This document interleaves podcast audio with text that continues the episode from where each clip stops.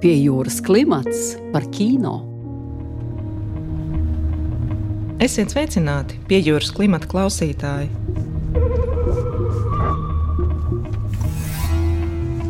Novembrī izskaņā ITFA ievērojamajā Amsterdamas starptautiskajā dokumentālā kino festivālā pasaules pirmizrādi piedzīvoja Lēlas pakalniņas filma Mājas. Recenzijās raksturota kā eksperimentāls hibrīda dokumentālais kino, kas poētiskā veidā skata telpas, ko saucam par mājām, vidi. Šī, lai lai neierasti garā, divstundīgā filma ir asprātīgi lakoniskā formā īstenots mūsdienu Latvijas sabiedrības attēls, kurš piesaista un aizkustina. Pakalniņa kopā ar savu uzticamo komandu, operatoru Gintu Bērziņu un skaņu režisoru Andriju Krenbergu, smejoties piesaka jaunu filmveidu stilu pēc pašpasludinātā agrārā konstruktīvisma, brutālo dokumentālismu. Mēs ejam uz cilvēku mājām, lūdzam viņus iziet ārā un filmējam caur viņu pašu logiem. Tā mēs veidojam filmas par cilvēkiem, viņu mājām un filmu veidošanu. Savukārt ITFA festivāls piebilst, rezultāts ir neskaitāmu kustīgu portretu virkne, perfekti ierāmēta melnbaltā risinājumā. Atbruņojošās, maigi surrealistiskās tablo vivāna atklāja elementus, kas padara mājas par mājām. Burbuļojošs kastrolis, radioskaņa, veids, kā krīt gaisma, koku šalkoņa. Struktūras vienkāršība ļauj pamanīt mazākās detaļas. Savukārt koncepta ierobežojumi uzrāda filmveids meistarību. Filmas spēks slēpjas atkārtojumā. Režisora Laila Pakalniņa it kā čukst: skaties, klausies, pamani! Labdien! Šodien pie jūras klimata studijā viesojas režisora Lēla Pakalniņa un operators Gins Bērziņš. Labdien! Labdien! Mani vienmēr ir mm, ārkārtīgi fascinējuši guļamrajona izgaismotie logi vakaros, atšķirīgas krāsas, dažādi aizskari, mazliet mēbeles redzams, bet visvairāk tā apziņa, ka aiz katra no šiem taisnstūriem, gaismas teststūriem notiek kaut kāda vakara rituāli. Kas jūs interesēja šajā konceptā nokļūt tik daudzās Latvijas mājās? Es varu tev pievienoties arī tajā interesē par logiem. Arī ārpus Latvijas, kur man liekas, es pilnīgi neesmu mājās. Nu, piemēram, mācoties Maskavā, braucot uh, cauri dažādiem rajoniem, ka es skatījos, kādam šeit ir mājas. Bet um, runājot par šo filmu, nu, piemēram, mani kādu laiku interesēja tāds um, neuzkopts interjers, es teiktu, tā, ieiet mājās, vienkārši ieiet, nevis iepriekš sagatavotā interjerā, bet ieiet. Un tas ir viena daļa no šīs idejas. Man pat bija viena tāda fotogrāfija, ko es nopirku Somijā, kā reiz atceros, kur bija tieši cilvēks, fotografs ceļojis un gājis iekšā mājās un nofotografējis, kā tas interjers izskatās. Nu, cilvēki nu pat ir izgājuši, bet uh, filmā jau vienkārši interjeru bildītes uh, nesaliksi. Un tad, filmējot uh, filmu Pirmais tilts, radās šīs idejas aizmetņi. Gribējās uzfilmēt to tiltu caur logiem, cilvēks arī izsūtīt ārā no mājas. Un par laimi mums tas nesanāca. Divu iemeslu dēļ. Mums nebija jūtīga filma. Mēs īsti nevarējām iet tajos interjeros iekšā, bet nu, mēs mēģinājām uzrunāt arī cilvēkus, un viņi nepiekrita. Un tad Tā kā šī ideja netika realizēta tās maziņās filmas ietvaros, negribējās to tā pamest. Un uh, vispirms mēs pamēģinājām ar fotografiju. Gins nofotografēja manu vīru Juri Pakalniņu viņa vārda dienā caur logu. Un uh, man virtuve izskatījās laba, nesakopta. Un uh, tā sākās šī filma pamazām. Un tā bija atkal tikai viena daļa no idejas. Likās, nu labi, saliksim mēs tās bildītes. Bet ir jāliek klātā komunikācija ar cilvēkiem. Un mēs vispār filmējām tā, ka mēs slēdzām kameru iekšā jau pirms mēs gājām iekšā pa durvīm. Un tad vispār tās katras mājas epizode bija ļoti gara. Nu, tad man būtu četru vai sešu stundu gara filma, bet um, es atstāju to interesantāko daļu, kas tiešām ir saistīta ne tikai ar šiem cilvēkiem, bet arī ar to, kā top filma. Un jau attīstīšanas periodā ļoti jauki, ka bija šis attīstīšanas periods, ka mēs pamēģinājām, mums bija kultūra kapitāla finansējums neliels, un ka mēs pamēģinājām, kā to darīt. Un tad man tā kā uzreiz bija skaidrs, ka tā ir gandrīz vai interesantākā daļa no tās filmas, kā Gīns veido kompozīcijas. Nu, un tā arī Gīns kļuva par vienu no šīs filmas varoņiem. Mājas nav novērojošs kino. Jūs aktīvi režisējat to, ko mēs redzam kadrā, un šī režisēšana, šīs norādes pat ir kļuvušas par daļu no filmas. Un kādēļ šāda izvēle? Mēs to nosaucam par uh, brutālo kino. Brutālais, Jā, brutālais dokumentālais kino, kino. Jo, nu, tas ir spēles noteikums, tos instrumentus atrādīt, kas ir. Nu, neviens jau nestādās priekšā, cik arī es atvainojos Jūra Podnieka dokumentālās filmas ir inscenētas savā būtībā, kad kamera ienāk iekšā aizgaismotā dzīvoklī un sāk runāties aizkustinoši ar galvenajiem varoņiem. Te tas brutālais dokumentālisms rekur arī ir, bet nu, jau bija vēl tas azarts pēc tās lielās, ilgās maisēdes, viņus izsūtīt visus ārā. Likās, ka tas varbūt arī tiem cilvēkiem būtu tāda jautra spēle, kas laikam beigās arī bija tās sevišķi dusmīgi viņi nebija un viens tā neatteicās no tā pasākuma. Bet kas bija būtiskākais, veidojot tieši kadru, veidojot kadru kompozīciju, teiksim, vecāku pāris dodas uz tiltiņu, bērni visbiežāk tika uzaicināti pienākt pie loga. Vai tas bija tieši kaut kāda vizuāla principa, jeb kaut kāda Nē, tā tāda ne pēc nacionālās, reliģiskās vai vēl kādas citas piedarības tur netika stundītie cilvēki. Patiesībā tas brīdis uh, ir diezgan sensitīvs, jāstāsta, kurš ātrāk norieģēs no tiem cilvēkiem, jo arī mana kāda komanda nostājieties pa labi, pa kreisi, ne, ne, ne nāk tuvāk atpakaļ. Nu, visticamāk, visātrāk reaģēs bērni, un to kadra garumu audzējot, varētu ātrāk izkustināt viņus, un tad iespējams, ka sakrīt tā kompozīcija, jo viņi sakrīt pēkšņi. Tur nav tā, ka es jau redzu atzīmētus punktus gaisā, kur viņiem jānokļūst, jo tikpat labi, kad arī Nezinu, kāds tur kungs nāca uz priekšu atpakaļ. Es nevaru paredzēt, cik tur tas reliefs aiz tā loga ir. Jo, piemēram, ja tur kāpjas augstāk tas reliefs, tas cilvēks tur kaut kur aiziet vispār uz augšu, tad viņš aiziet uz leju, un tad citu tur vispār beņķīts jānoliek ir krēsls tai meitenītei, lai viņa pakāpjas augstāk. Tur nebija princips tā teikt pēc vecuma, jo citreiz dod to komandu pa labi un pēkšņi visi pieci pabīdās pa labi, bet tā komanda ir domāta tikai vienam puikam ar rāciju. Un, tā kā tas, tas dzīves organisms, viņš pats kustās. Un ir kaut kādā brīdī jāpasaka stop, un tad ir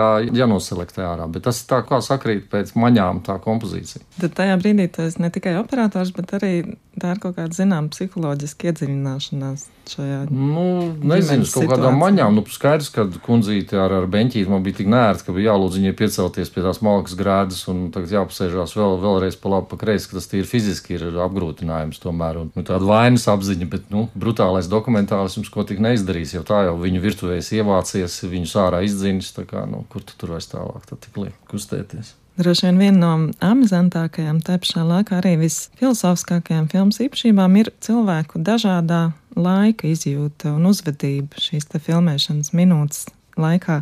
Un daži pat skaita tās sekundes skaļi vai klusi. Vai jums bija kādi pārsteigumi šajā sakarā? Nu, vienīgais cilvēks, kas neskaitīja, bet kam bija tāda laika izjūta visprecīzākā, tā bija Omīte Līvānos, kas pateica, minūte ir pagājusi. Un, jo Gīns nedzirdēja, ko viņi saka. Ah. Es dzirdēju, ko viņi saka. Tad, tad Omīte pateica, minūte ir pagājusi, un tas sakrita, kad uh, Gīns pateica, paldies, uzfilmēts. Bet tad, kad bērni skaitīja aiz loga, tad mēs iedavām Gintam austiņas, un viņš dzirdēja, kad viņš skaita. Un tur savukārt pilnīgi noteikti tā vēl nebija minūte. Viņa skaitīja ļoti ātri un šmaucās. Toreiz nu, Gins speciāli pateica. Pats paradoks ir tāds, tā minūte radās eh, kaut kādās pirmajās filmēšanas dienās, manuprāt, tajā vasaras periodā. Tas nebija fizisks laika nogrieziens, kur tiešām es tagad skatos to minūti. Tas tagad tādā sarunvaldā, nu, minūte pagaidi, es to jau atzvanīšu. Tikpat labi tā zvana pēc desmit minūtēm. Tas bija tāds, un tas kaut kā aizgāja, un cilvēki to uztver nopietni, un viņi jau zina, ko viņi dara, nu, re, kur viņi stāv kamerā viņi strādā, viņiem jau tur viss ir skaidrs zināms. Filmas beigās mums tur prasa, ka pēc minūte, ko tas dod. Patiesībā ir tā pateikt, nu, pastāviet 30 sekundes, tas būtu par maz. Teikt viņiem pastāviet 5 minūtes, tas būtu stipri par daudz. Tā kā minūte ir pietiekama. Tas tāds tēlains termins, jebkurā gadījumā tas mm -hmm. tāds sarunvalodas Un vēl jau ir tās, ka tajā montāžas ritmā es jau nerādu visu to minūti daudziem. Daudziem savukārt ir tā, ka ir gan tā minūte, gan tas, kas ir pirms un pēc minūtes, bet to tā kā pats tas. Uh, Filmas uh, audums uh, veidot to nepieciešamību, cik kurš kadrs patiesībā ir garš. Kadrā, neskatoties uz lūgumu, minūti skatīties logā, notiek aktīva mājas mīluļu ganīšana, apzīrēšanās. Vai jums pašiem arī kādā mirklī bija jāsmējās, skatoties uz šo mikro dramaturģiju? Man bija, jo man bija tās austiņas, un es dzirdēju to visu. Kā piemēram, ka puisītis saka, oi, re, kā viņi izslēdza lampu. Un tēvs saka, nu jā, tas tāpēc viņiem droši vien traucē. Jā, man bija jāsmējās.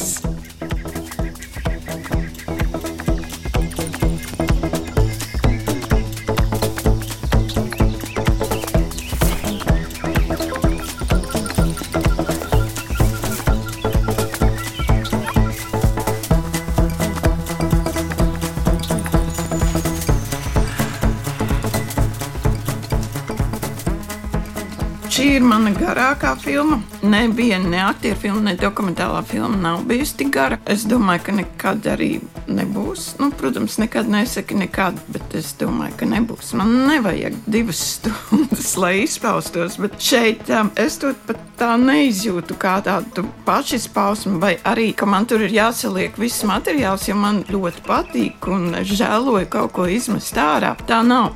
Es varu atzīties, ka man ļoti patika šie cilvēki. Šie Latvijas cilvēki no dažādām Latvijas vietām un tiešām ar sāpošu sirdi atstāja ārpus kadra kādas četras mājas. Kā jūs atradāt šos savus filmas varoņus, savus 75 mājas? Ja? E, mājas ir 75, Kristīna Matīs saskaitīja. e, nu bija jau tīri mehānisks princips. Pirmais stāvs, lai būtu, tas nevar būt otrā, trešā vai desmitā stāvā. Nu, un tad bija, kur cilvēki piekrīt par laimi. Mums bija, tā teikt, lokācija menedžeri, kas centās sarūpēt un kaut drusku iepriekš pabrīdināt, ka mēs ieradīsimies. Protams, bija mājas, kur mēs ieradāmies vienkārši braucot pa šosei, skatāmies. Brīnišķīgā ģimene, kur ķiķinādam teica, ka mūs izvedīs uz Sibīri, vai kāds viņa tā frāze bija, kur viņa pie tās trūkas tur viss drūzmējās. Un skaņā brīnišķīgi mocis aizbrauc, kas Andriem ļoti patīk, jo tas ir oriģinālais mocis, tur viņš neko nesot pielicis. Pat cik mēs braucām kaut kur tālu, mums bija bail aizbraukt pa tukšo.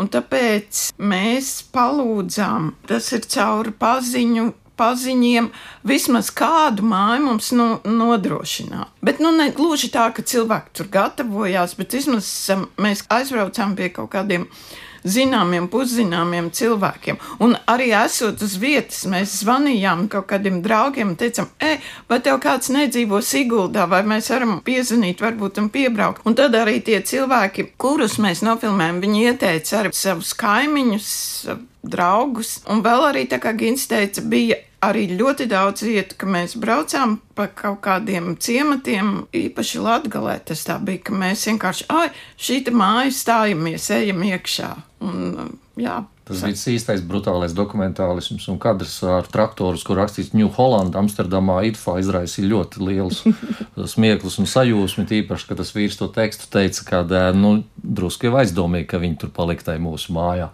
kā tādi čigāni. Kādā no mājām Gins saka, tagad mēs minūti iefilmēsim, kā fotografējot. Un arī paši filmējumie bieži reaģē kā pie fotogrāfa, ieņemot zināmu pozu, grimasi, un bieži paliekot tā vienīgie nekustīgie kadra elementi. Ko jūs vairāk gaidījāt šo sastingšanu, jeb tieši atkāpes no uzdotā? Nu, man liekas, ka tas ir visvienkāršāk cilvēkiem izskaidrot, ko mēs gribam. Jo patiesībā Protams, ka mēs viņus nefotografējam, mēs filmējam filmu, bet atkal, ja mēs veidojam kompozīciju, nu, nebūtu labi, ka viņi tur pārvietotos. Mums ir būtiski, ka viņi daudz maz stāv uz vietas, un pēc tam, nu, ko dzīve dos.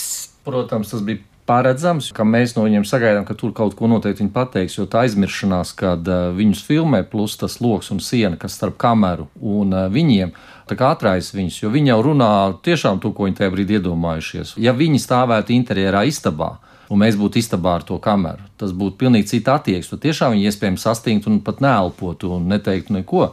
Bet pateicoties tai barjerē, kas starp mums tur ir, un viņa patiesībā jau tas lokus atspīd, tur neko pat lāgā neredz. Tur ir tā kamera, nav tā kamera. Puika pienāk klāt un pieliek rokas kādās iekšā, vai tur, kur viņi tur jā, jāstāsta kamerā.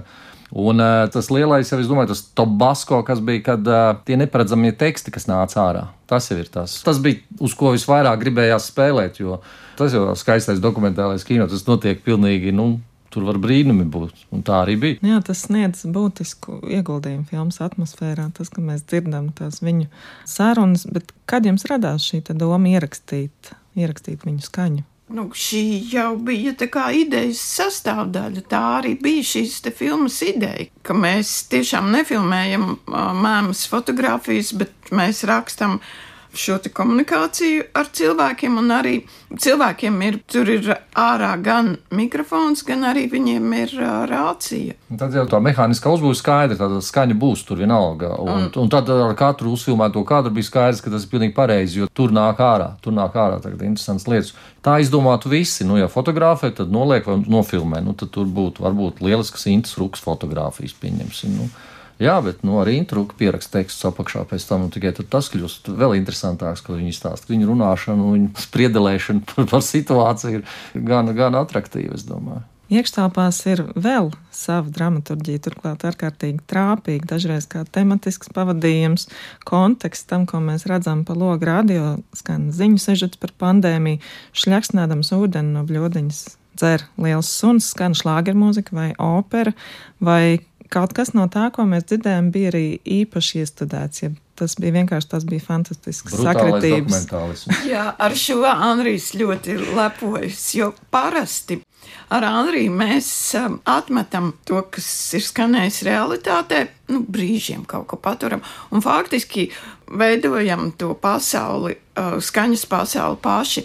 Bet šī gadījumā tas viss tur skanēja. Un vēl viena lieta, tiešām, ja mēs ejam iekšā kaut kur filmēt, mēs vispirms palūdzam, izslēgsim radio. Tas ir tāpēc, lai ir pēc tam vieglāk samontēt. Bet um, šī gadījumā mēs atstājām tos radio, un viss, kas tur skan, tā arī skanēja. Un, lai cik tas banāli nebūtu, jāparādio stāsta par covid, un skan šlāgeru mūzika, un tas viss tur bija.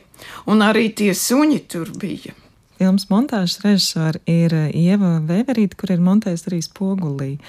Kā jūs nonācāt pie filmā iekļaujamā materiāla? Man patika montēt ar ievu spogulī, kur mums bija nepieciešams strādāt ar Lietuvas montāžistu, jo spogulī bija kopražojums. Savukārt mājas jau ir tikai Latvijas produkts. Un es vienkārši izvēlējos strādāt ar ievu, jo spogulī mēs labi sastrādājamies.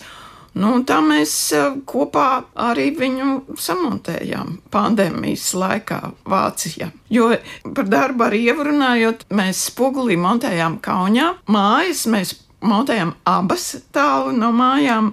Mēs eh, montējām mazā Vācijas pilsētiņā Lloydkirchē. Nu tā, šobrīd Dieva ir atbraukusi dzīvot uz Latviju. Iespējams, nākošo filmu mēs montēsim Rīgā. Šobrīd mājas ir redzējuši skatītāji Nīderlandē un Igaunijā. Vai ir kaut kādas atšķirības tajā, kā šo filmu uztver? Pēc manas sajūtas tā vienīgā atšķirība bija tā konkrētā smiešanās par uh, to traktoru. traktoru Amsterdamā. Jā, Kaut kā tā sajūta ir, ka līdzīgās vietās tomēr, ir tas kaut kādas uzmanības un kaut kāda, nezinu, brīnuma un smieklu izraisītie tie iemesli ir, nu, ja puisīts vairākas reizes kustās, viņš nostājas aiz rāmja, tas ir smieklīgi. Kad jūt, ka tas operators ir nomocījies, viņš vairs nevar viņus izbīdīt, nu viņi tur nebīdās nekā, un tad, tad, tad tas ir smieklīgi. Un tas bija smieklīgi gan Igaunijā, gan Amsterdamā. Tā kā tā publikas reakcija ir, nu, ļoti tuvu, ļoti tuvu. Nu, tur nav tādas, ka grūti pateikt, gan kā Latvijā tas būs, jo varbūt vēl valodas teikt, barjeras, jo tikpat labi, tie, nu, nevis tikpat labi tie cilvēki lasa angļu subtitrus. Tad viņi vairāk uz tām choreogrāfijas lietām skatās, kur katrs tur stājās, nestājās. Jā, un arī mums bija skatītāji jautājumi, bet bija arī skatītāji, kas izteica savu kā, domu, ko viņi ir guvuši no filmas. Un tas arī sakrita apmēram gan Nīderlandē, gan Igaunijā, kad cilvēki teica, paldies, ka viņiem ir bijis atļauts ieiet mājās, kur viņi nekad savā dzīvē nenokļūtu, un ka viņiem ir atļauts iepazīt pilnīgi svešu kultūru, ka viņi jūtās kā pabijuši Latvijā, kur viņi nekad nav bijuši. Nu pat mēs dzirdējām sarunu ar režisoru Lailu Pakalniņu un operatoru Gintu Bērziņu. Raidījumā skanēja Pauļa Kilbauska un Viginta Kisēviča mūzikas fragmenti no filmas Spogulī. Pie jūras klimata vadīja Sonora Broka un Monteja Judīta Bērziņa. Raidījums tapis ar Valsts kultūra kapitāla fonda atbalstu. thank you